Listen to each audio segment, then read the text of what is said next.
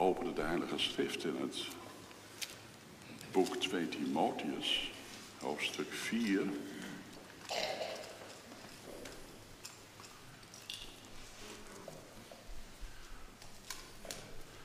...2 Timotheus 4, Paulus schrijft een brief aan Timotheus. Dit is zijn laatste brief die hij ooit geschreven heeft op aarde, voor zover wij weten. En in dat brief legt hij ook zijn geestelijk testament neer. Daar zal het ons vanmorgen over mogen gaan in de versen 6 tot en met 8.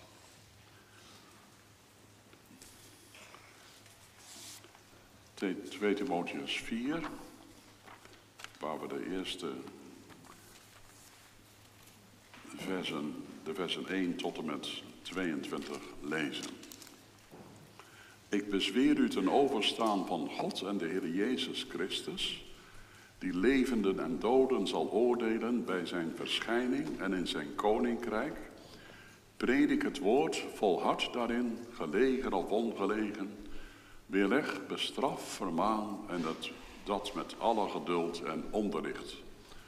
Want, want er zal een tijd komen dat ze de gezonde leer niet zullen verdragen, maar dat ze zullen zoeken wat het gehoor streelt en voor zichzelf leraars zullen verzamelen overeenkomstig hun eigen begeerten. Ze zullen een gehoor van de waarheid afkeren en ze keren tot verzinsels. Maar u, wees nuchter in alles, leid verdrukkingen, doe het werk van een evangelist, vervul uw dienstwerk ten volle. En dan komt nu het gedeelte waar het vanmorgen over mag gaan. Ik word immers reeds als een plengoffer uitgegoten en het tijdstip van mijn heengaan is aanstaande.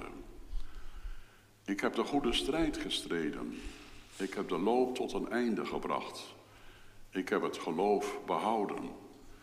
Verder is voor mij weggelegd de krans van de rechtvaardigheid, die de Heere, de rechtvaardige rechter, mij op die dag geven zal. En niet alleen mij, maar ook allen die zijn verschijning hebben liefgehad. Beijver u dan om spoedig naar mij toe te komen, want Demas heeft mij verlaten omdat hij de tegenwoordige wereld heeft liefsgekregen. Hij is naar Thessalonica vertrokken, Crescens naar Galatië, Titus naar Dalmatië. Alleen Lucas is bij mij. Haal Marcus op en breng hem met u mee, want hij is voor mij van veel nut voor de ambtelijke bediening. Maar Tychicus heb ik naar Efeze gestuurd. Breng wanneer u komt de reismantel mee die ik in Troas bij Carpus achtergelaten heb en de boeken, vooral de, perkament, de perkamenten. Alexander de kopersmid heeft mij veel kwaad aangedaan. Mogen de Heere hem vergelden naar zijn werken. Wees ook zelf voor hem op uw hoede, want hij is krachtig tegen onze woorden ingegaan. Bij mijn eerste verdediging voor Nero was er niemand die mij bijstond. Maar ze hebben mij allen verlaten. Mogen het hun niet toegerekend worden. Maar de Heere heeft mij bijgestaan en heeft mij kracht gegeven, opdat door mij de prediking volbracht zou worden en alle heideren die zouden horen. En ik hen uit de muil van de leeuw en ik ben uit de muil van de leeuw verlost. En de Heere zal mij bevrijden van alle boze opzet en mij verlossen tot de komst van zijn hemels koninkrijk. Hem zij de heerlijkheid tot in alle eeuwigheid. Amen. Tot zover de schrift en de tekstlezing. Paulus heeft ooit een heel merkwaardige uitspraak gedaan over zijn dood. Hij zei, niemand leeft voor zichzelf en niemand sterft voor zichzelf. Nou, dat eerste kunnen we wel meemaken. Christenleven is immers een leven van een gode, welgevallige offerande, met de lippen, met ons hele bestaan. Wij offeren ons aan Christus. Wij verloochenen onszelf, wij doden de oude mens. We staan dan op in een nieuw godzalig leven. En al die dingen die gezegd worden van het hart van het christen zijn. Maar niemand sterft voor zichzelf. Wat bedoelde hij daar toch mee? Wel in dit gedeelte, eh, in ons tekstgedeelte legt hij uit wat hij daarmee bedoelt. Hij begint met te zeggen, ik word reeds als een plengoffer uitgegoten. En het tijdstip van mijn ontbinding, van mijn heengaan, is aanstaande. Wat bedoelde hij met dat plengoffer? Wel, zijn hele leven was een offerande aan Christus vanaf zijn bekering. Want daarvoor had hij alleen in zijn verwaten trots voor zichzelf geleefd. Voor de macht, de roem en de eer van het fariseïstisch jodendom van zijn dagen. Maar vanaf zijn levendmaking, door de ontmoeting met Christus, want daar gebeurt het, was hij een ander mens geworden. Zijn leven was een gewillige offerande geweest. En nu is een plengoffer het eind van alle offers die op een dag gebracht worden. Na het brandoffer wordt er bij het altaar een plengoffer uitgegoten. Een drankoffer wordt het ook wel genoemd. En dat drankoffer bestond uit olie en wijn. En afhankelijk van de offers die vooraf gingen, wordt dat een redelijk grote hoeveelheid. Dat kan wel 10 liter worden. En dat plengoffer werd uitgegoten om de hele offerdienst te besluiten. Dus Paulus zegt hiermee, mijn leven aan opoffering voor Christus en de mensen is hiermee ten einde gekomen. En hij zegt er ook mee, en mijn bloed wordt straks uitgegoten, zoals bij het plengoffer de olie en de wijn worden uitgegoten. Hij wist al wat het einde zou zijn. De terminale fase van zijn leven was een heel bijzondere, want hij wist dat de doodstraf voor mensen met het Romeinse burgerrecht, en dat had hij, bestond uit de onthoofding door het zwaard. Hij wist dus dat zijn hoofd van zijn lichaam gescheiden zou worden en zijn lichaam zou leegstromen. Het bloed zou de aarde bedekken en doordrenken. En daarin heeft Paulus ongetwijfeld gezien hoe hij tot het einde toe zijn meester Jezus Christus mocht navolgen, die aan het kruis van Golgotha ook met zijn bloed de aarde heeft doordrenkt. Want ook de aarde zal eenmaal vernieuwd worden. Ook de aarde zal eenmaal verzoend worden. Want de zachtmoedigen zullen straks het aardrijk beërven. Voor Paulus was het leven met Christus. Niet meer ik leef, maar Christus leeft hierbij. Ook een gestadig sterven een toeleven naar de dag waar hij enorm naar uitzag. Want het leven is bij Christus, zegt hij, maar het sterven is pas winst.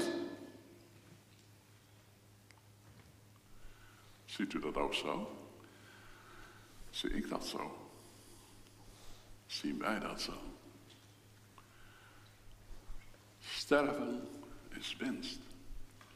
Dominee, ik meen dat in het boek Job het staat, dat klopt ja. Job 18, vers 14. De dood is de koning der verschrikking. Gelukkig dat er sinds het overlijden van Job heel wat gebeurd is in de wereld. Christus is gekomen. En Christus heeft gezegd over de dood: U zult de dood niet zien.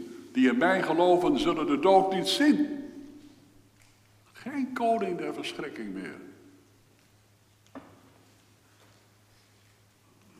We zullen, als we de ogen sluiten,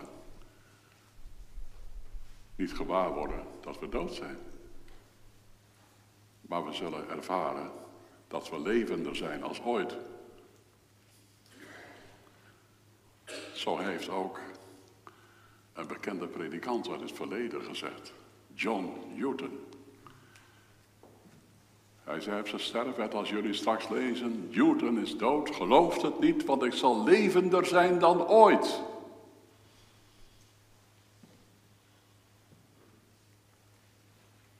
Ik word als een drankoffer, als een plengoffer uitgegoten en het tijdstip van mijn heengaan of ontbinding is aanstaande.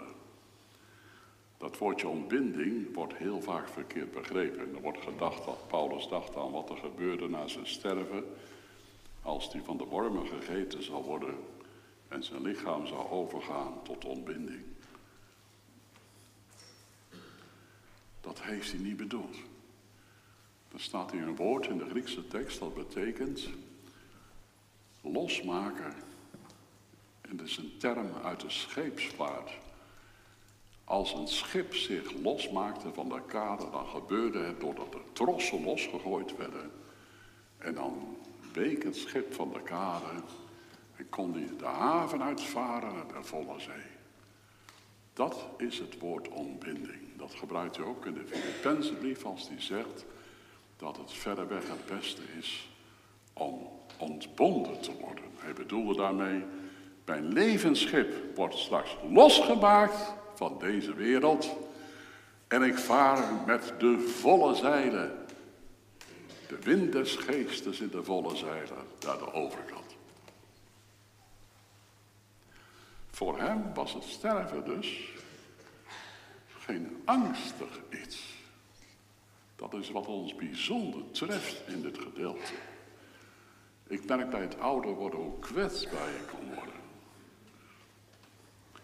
En ik merk in het pastoraat en de drie gemeenten die ik nog mag dienen, hoe angstig mensen voor de dood kunnen zijn. Hoewel de eerlijkheid gebiedt te zeggen dat ze meestal angstiger zijn voor wat er vooraf gaat aan de dood, als de dood zelf. Zal ik ziek worden? Zal ik veel pijn krijgen? Het afscheid van de geliefde, dat weegt altijd het zwaarste. Opzien tegen wat er vooraf gaat aan de dood, dat is waarschijnlijk toch wel het sterkste. Paulus was het zo anders. En ik denk ook dat wij christenen, die de Heer mogen kennen, dat we er ook anders over moeten gaan denken. Want we gaan de uren der verzoeking over de hele wereld tegemoet. Het zal straks ook zo zijn dat wij in een situatie komen waarvan de Heer Jezus zegt, en die het mogelijk waren, zullen zelfs de uitverkorenen verleid worden. Het is tijd dat we ons concentreren op de belangrijkste dingen in ons christendom. De rechtvaardiging van de horloge, het heilig leven met de Heer en het uitzien, het blij vooruitzicht dat ons mag gaan strelen om straks ontwaakt in een nieuw lichaam Gods lof te ontvouwen. Dat zijn de allerbelangrijkste dingen. Hij gaat Timotheus leren hoe dat is. Uh, hij sterft immers, immers niet voor zichzelf. Timotheus, ik doe het ook voor jou. Ik ga het je vertellen hoe ik dat zie. Ik heb de goede strijd gestreden. Ik heb de loop tot een einde gebracht. Ik heb het geloof behouden. Ik heb de goede strijd, ik mag ook vertellen, de schone strijd, de mooie strijd gestreden. Ja, het is een term die ons doet herinneren, ook wat hij verder zegt, de loop tot een einde gebracht aan de marathon in Griekenland. Daar werd door atleten gestreden om de erekroon. En er kon er maar één de erekroon behalen. Maar Paulus wist de goede strijd die Christus ons leert te strijden, allemaal overwinnaars oplevert. Niet eentje, maar allemaal. Ik kom er straks nog op terug. Hij zegt, ik heb de goede strijd gestreden. Kijk naar die atleten, hoe ze zich aan de regels houden. Voorteilen over de loopbaan en op weg naar de finish. Ze moeten wel wettig strijden, dat wil zeggen zich aan de regels houden, die ook toen al golden in die topsport. Zo moeten ook wij christen ons aan de regels van Christus houden, zijn geboden, die niet zwaar zijn, als we weten wie ons aan het einde bij de finish wacht. om die te doen uit dankbaarheid. De goede strijd is de strijd die niet gaat om eigen eer, maar om de eer van onze koning, Jezus Christus. De goede strijd in jou en uw leven is die strijd.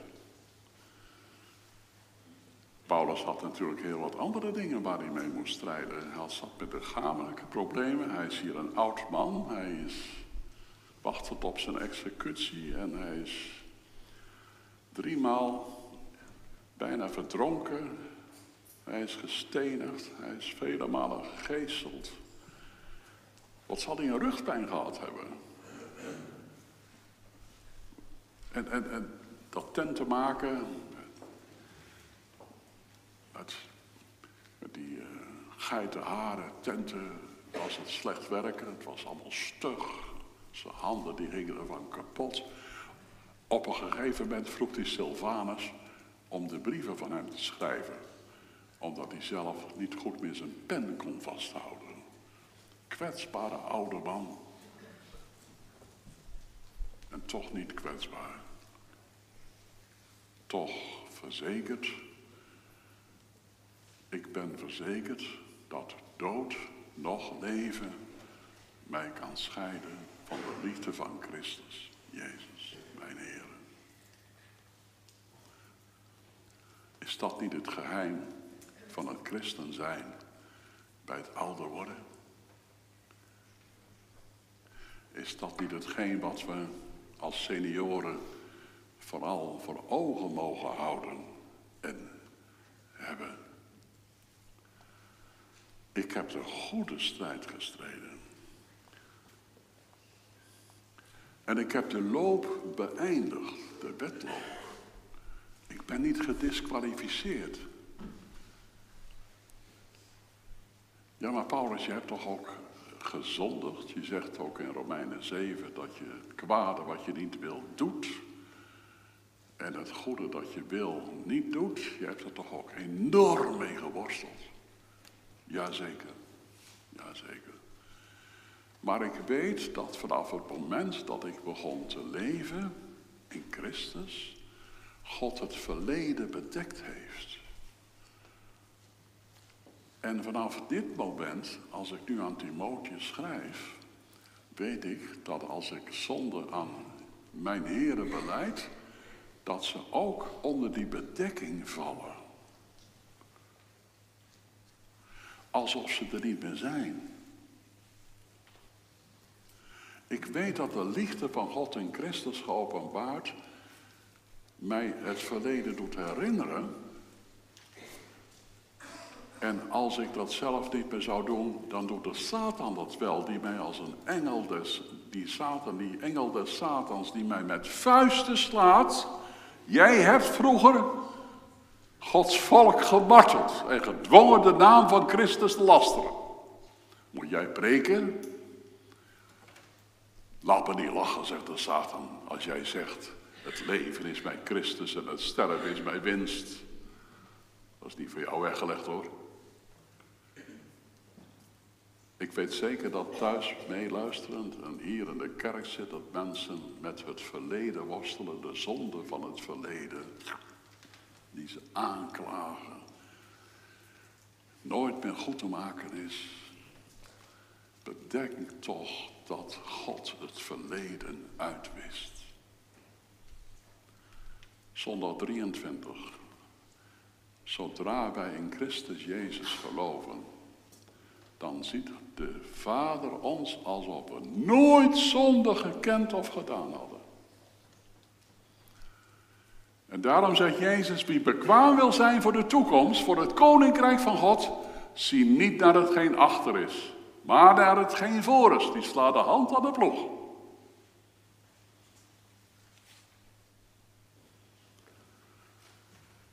Wij zullen in die loopbaan heel veel tegenkomen wat ons benauwt. De zonde die ons benauwt. En dat is een goed teken als de zonde je niet meer benauwt, dan moet je vrezen niet meer nabij de Heer te leven. Maar juist als de zon je benauwt. En je daardoor ook weer teruggeslagen wordt naar het kruis. Dan ben je weer op je plek waar je wezen moet. Het kruis van Golgotha. Wat Paulus erbij voegt en wat meer is, Jezus die ook is opgestaan in een nieuw leven. Dat leven is begonnen vanaf het moment dat Paulus tot bekering kwam. Toen is het eeuwige leven al begonnen. Want straks als hij sterft is de dood geen cipier die hem gevangen neemt, maar een portier die hem doorlaat. Het eeuwige leven begint bij de bekering en zal nimmer meer eindigen. Ik bezocht in Rotterdam een oude man die hovenier was geweest. Zijn leven lang had hij in de plantsoenen van Rotterdam gewerkt. En toen hij nog goed bij de pinken was, bezocht ik hem graag in zijn bovenhuis in het oudste gedeelte van Rotterdam. Hij wist heel veel te zeggen over Christus en weinig over zichzelf. Maar hij wees dan ook vaak naar een kast waar allemaal cassettebandjes stonden van preken. Ik zeg, beluister, beluister jij die nou wel eens? Ja, zegt hij, elke dag een preek. Elke dag een preek.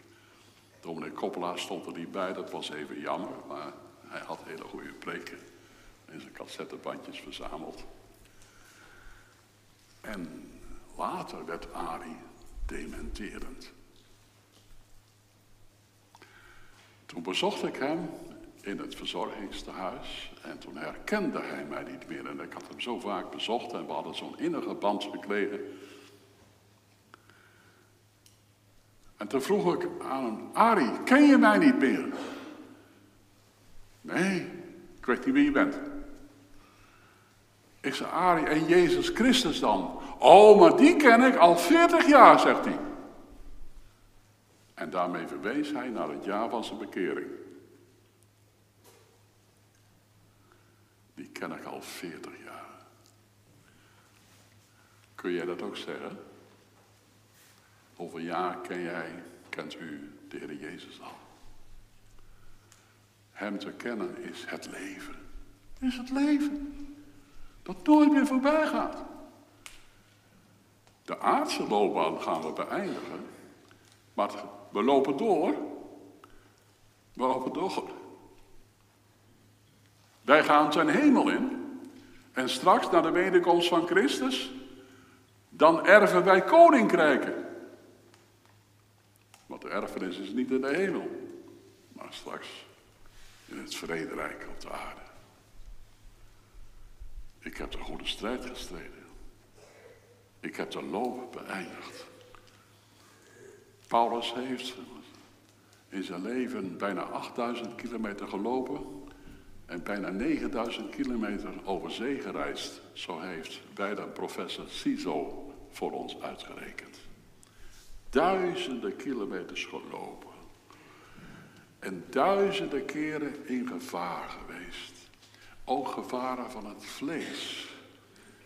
De gevaren waar wij in onze tijd ook zo mee worstelen als nimmer tevoren, hè, door de moderne media, de gevaren van het vlees. In elke herberg waren er altijd wel bacchanalen en prostituees die zich aanboden. En als er geen gemeenteleden woonden in de plaats waar Paulus naartoe moest, waar hij kon logeren, dan was hij gebonden aan die herberger of hij moest buiten in zijn reismantel gewikkeld langs de kant van de weg gaan liggen. We kunnen ons bijna niet voorstellen, al die duizenden kilometers dat hij gelopen heeft. En, en, en dan over zee gereisd. En aan het begin van de zeereis stond de kapitein bij de reling en dan gooide hij een plengoffer op de wateren, op het water van de haven. Een plengoffer, dat was wijn en olie. Ook de heideren kennen dat plengoffer. En dan riep hij de god Poseidon of Neptunus aan, afhankelijk of hij Grieks of Romeins georiënteerd was. En dan, zegt hij, dan zei hij, mogen Neptunus of Poseidon ons tijdens deze race beschermen. Daar zat Paulus ook bij. Paulus die heeft ook heidendom moeten zien. Hij heeft het onder ogen moeten zien dat hij soms niet ontsnapte aan zo'n ritueel als hij een zeereis ging maken. Dat mag ons een aanwijzing zijn dat we soms in omstandigheden kunnen komen dat we het heidendom niet kunnen ontlopen, maar toch inwendig vrij van mogen zijn. En dan zegt hij iets heel bijzonders erbij. Ik moet zeggen, daar heb ik erg mee geworsteld bij de voorbereiding. Wat heeft hij daar nou precies mee bedoeld? Ik heb de goede strijd gestreden, ik heb de loop geëindigd en ik heb het geloof behouden. Ik heb het geloof behouden. Uiteindelijk kwam ik terecht bij die Bijbelverklaarders die mij leerden dat het hier om een typisch Joodse uitspraak gaat. De rabbijnen zeiden destijds, als iemand Pesach viert, heeft hij het geloof behouden. Als iemand Pasen viert, heeft hij het geloof behouden. Dus het ging niet om het feit dat Paulus hier zegt, ik ben een gelovige gebleven. Nee, ik heb het geloof, de geloofsleer behouden. En ook voor Paulus was dat heel belangrijk dat dat Pasen was. Pasen, dat was in de vroege kerk zowel Golgotha als de opstanding. Dat werd ook door elkaar heen gepreekt, zou je kunnen zeggen. Tijdens Goede Vrijdag en Paasdagen, dat stond zo dicht bij elkaar. Kortom, voor Paulus was het meest centrale in zijn leven de dood en de opstanding van Christus. Zoals voor de Joden het meest centrale was de verlossing uit Egypte door te schuilen achter het bloed. De rechtvaardiging van de goddelozen, de opstanding in een nieuw leven zou je kunnen zeggen. Dit is voor Paulus een heel belangrijk punt om Timotheus door te geven. Timotheus, we kunnen verschillen van mening over allerlei dingen. Maar ik vertel je nu uitdrukkelijk dat ik het geloof behouden heb. Het geloof in het kruis en de opstanding van Christus. Ik heb eraan vastgehouden. Ik heb mij vastgeklampt aan het lam Gods dat de zonde der wereld wegneemt. Bij alle verschillen van mening, Timotheus, die je tegen zult komen en al tegengekomen bent onder de christenen in het, in het Romeinse Rijk en onder het Jodendom die christen geworden zijn. Bij alle verschillen, hou vast aan het lam dat geslacht werd. Dat nieuw leven geeft. Ik denk dat hier een geweldige boodschap voor ons in zit. Wij kunnen van mening verschillen over allerlei dingen in het kerkelijk leven. Over de inrichting van de eredienst. Wat is er niet geruzied in de loop der eeuwen over gezangen en psalmen en noem maar op. We kunnen van mening verschillen over kinderdoop en volwassendoop. Maar is dit geloof wat wij behouden, ook als de grote verdrukking straks aanbreekt en de wederkomst van Christus aanstaande is? Het lam Gods. Ik zeg wel eens, de christenen van de eindtijd zullen de landschristenen zijn. Ze zullen het beeld van het lam moeten vertonen kwetsbaar en toch zeker van Christus, zijn overwinning en hun eigen overwinning. Lamschristen. We kunnen verschillen van mening. Mijn broeder Dominee van Koten denkt anders over het duizendjarig rijk als ik. Maar dat neemt niet weg dat we nog steeds hartelijk broeders zijn. Ik verschil met andere collega's, en dat zijn er te veel om nu op te noemen, van mening over of je wel of niet mag inenten. Ik verschil van mening over, nou ja, met u of met u waarschijnlijk, over bepaalde onderdelen van ons praktische leven. Maar hebben wij het geloof behouden? dat Jezus Christus in de wereld gekomen is. Om te zoeken en te zaligen wat verloren is. En dat hij ons uit deze wereld verlost. En de nieuwe wereld binnenleidt. En ons leert om in het uitzicht daarnaar heilig onbesmet te leven. Niet ons te laten besmetten door de liberale tijdgeest, door de geest van de wetteloosheid die zich steeds sterker maakt en een tsunami zal worden straks in deze wereld. Het lam, laten we het koesteren. Het lam, Jezus Christus. Ik heb de loop geëindigd. Ik heb het geloof behouden. Voorts is mij weggelegd de kroon der overwinning. De kroon van de rechtvaardigheid. Welke mij de Heere, de rechtvaardige rechter, in die dag geven zal. Er is voor hem iets weggelegd. Het Griekse woord apokeimai wat hier staat, mag je ook vertalen met gereserveerd. Er is voor mij een kroon gereserveerd. Bewaard. Dat is een gedachte. Als je dus mag zeggen door genade, ik ben een kind van God, dan is er een kroon voor je gereserveerd. In de hemel. hij zegt uitdrukkelijk dat het niet alleen om hemzelf gaat hoor. Niet alleen voor mij geldt dit, maar ook allen die zijn verschijning hebben liefgehad. Wat bedoelt hij precies met die kroon de rechtvaardigheid? Dat is de kroon die de goddeloze krijgt als hij gerechtvaardigd wordt door het bloed van Christus. Het is onvoorstelbaar als ik dat zo zeg, dan klinkt dat zo eenvoudig, maar je bent zo'n goddeloos mens. En je komt bij het kruis. En je ziet hoe zijn bloed daar vloeit vanwege jouw zonde. En dan hoor je dat de vader zegt, en ik verklaar je rechtvaardig. Omdat je gelooft in mijn zoon. Omdat je zijn verschijning op de wereld hebt liefgehad. En daarom leg ik alvast een kroon voor je klaar. Ongelooflijk. Van kruis gaan we naar kroon. Realiseren we ons dat wel eens? Dit, dit, dit leven is de aanloop tot het eigenlijke. Waar het werkelijk toe doet, moet nog komen. Bij de wederkomst van Christus. We gaan van kruis kroon. De blijdschap die dan onbepaald van het gezicht van Jezus Christus straalt, zal ook voor ons ten hoogste toppen stijgen. Verlang je daarnaar? Een christen is een verlangend mens. Een mens dat heimwee heeft naar de toekomst.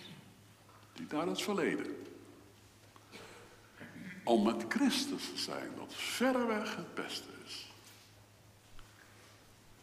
Eh, trouwens, de Heer Jezus heeft dat zelf ook zo beleefd, hè? weet u dat?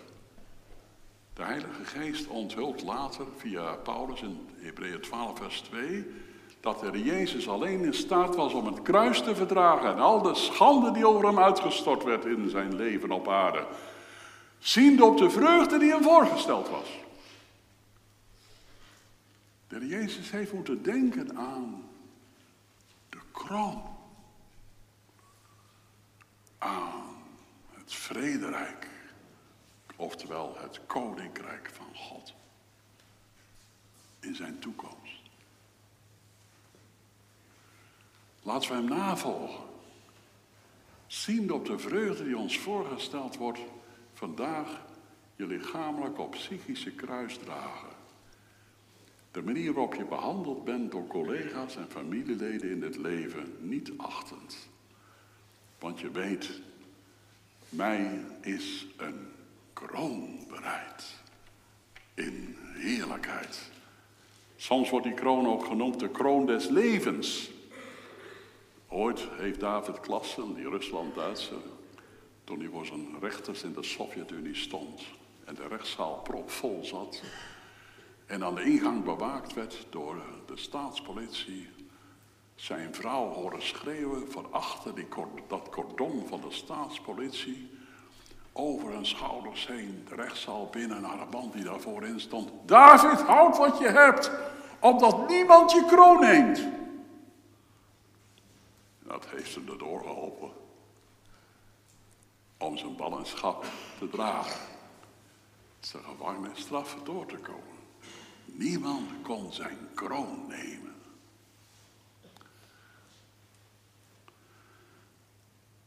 Dit perspectief. Wees getrouw tot in de dood. Ik zal u geven de kroon des levens. Dat mag ook onze slogan zijn in de komende jaren. Het is ook de kroon der heerlijkheid.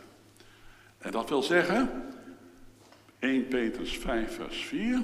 Als de overste herder verschenen zal zijn, zult gij de onverwelkelijke kroon der heerlijkheid verkrijgen. De kroon van de glorie. De kroon van de glas, van de glans. En dat is blijkbaar bij de wederkomst van Christus, zegt Petrus. Dus Paulus denkt niet aan de hemel, als hij denkt aan de kroon, maar aan de wederkomst, aan de opstanding van de doden. En als je dan precies wil weten hoe dat zit, jongen, lees dan vanmiddag 1 Korinthe 15.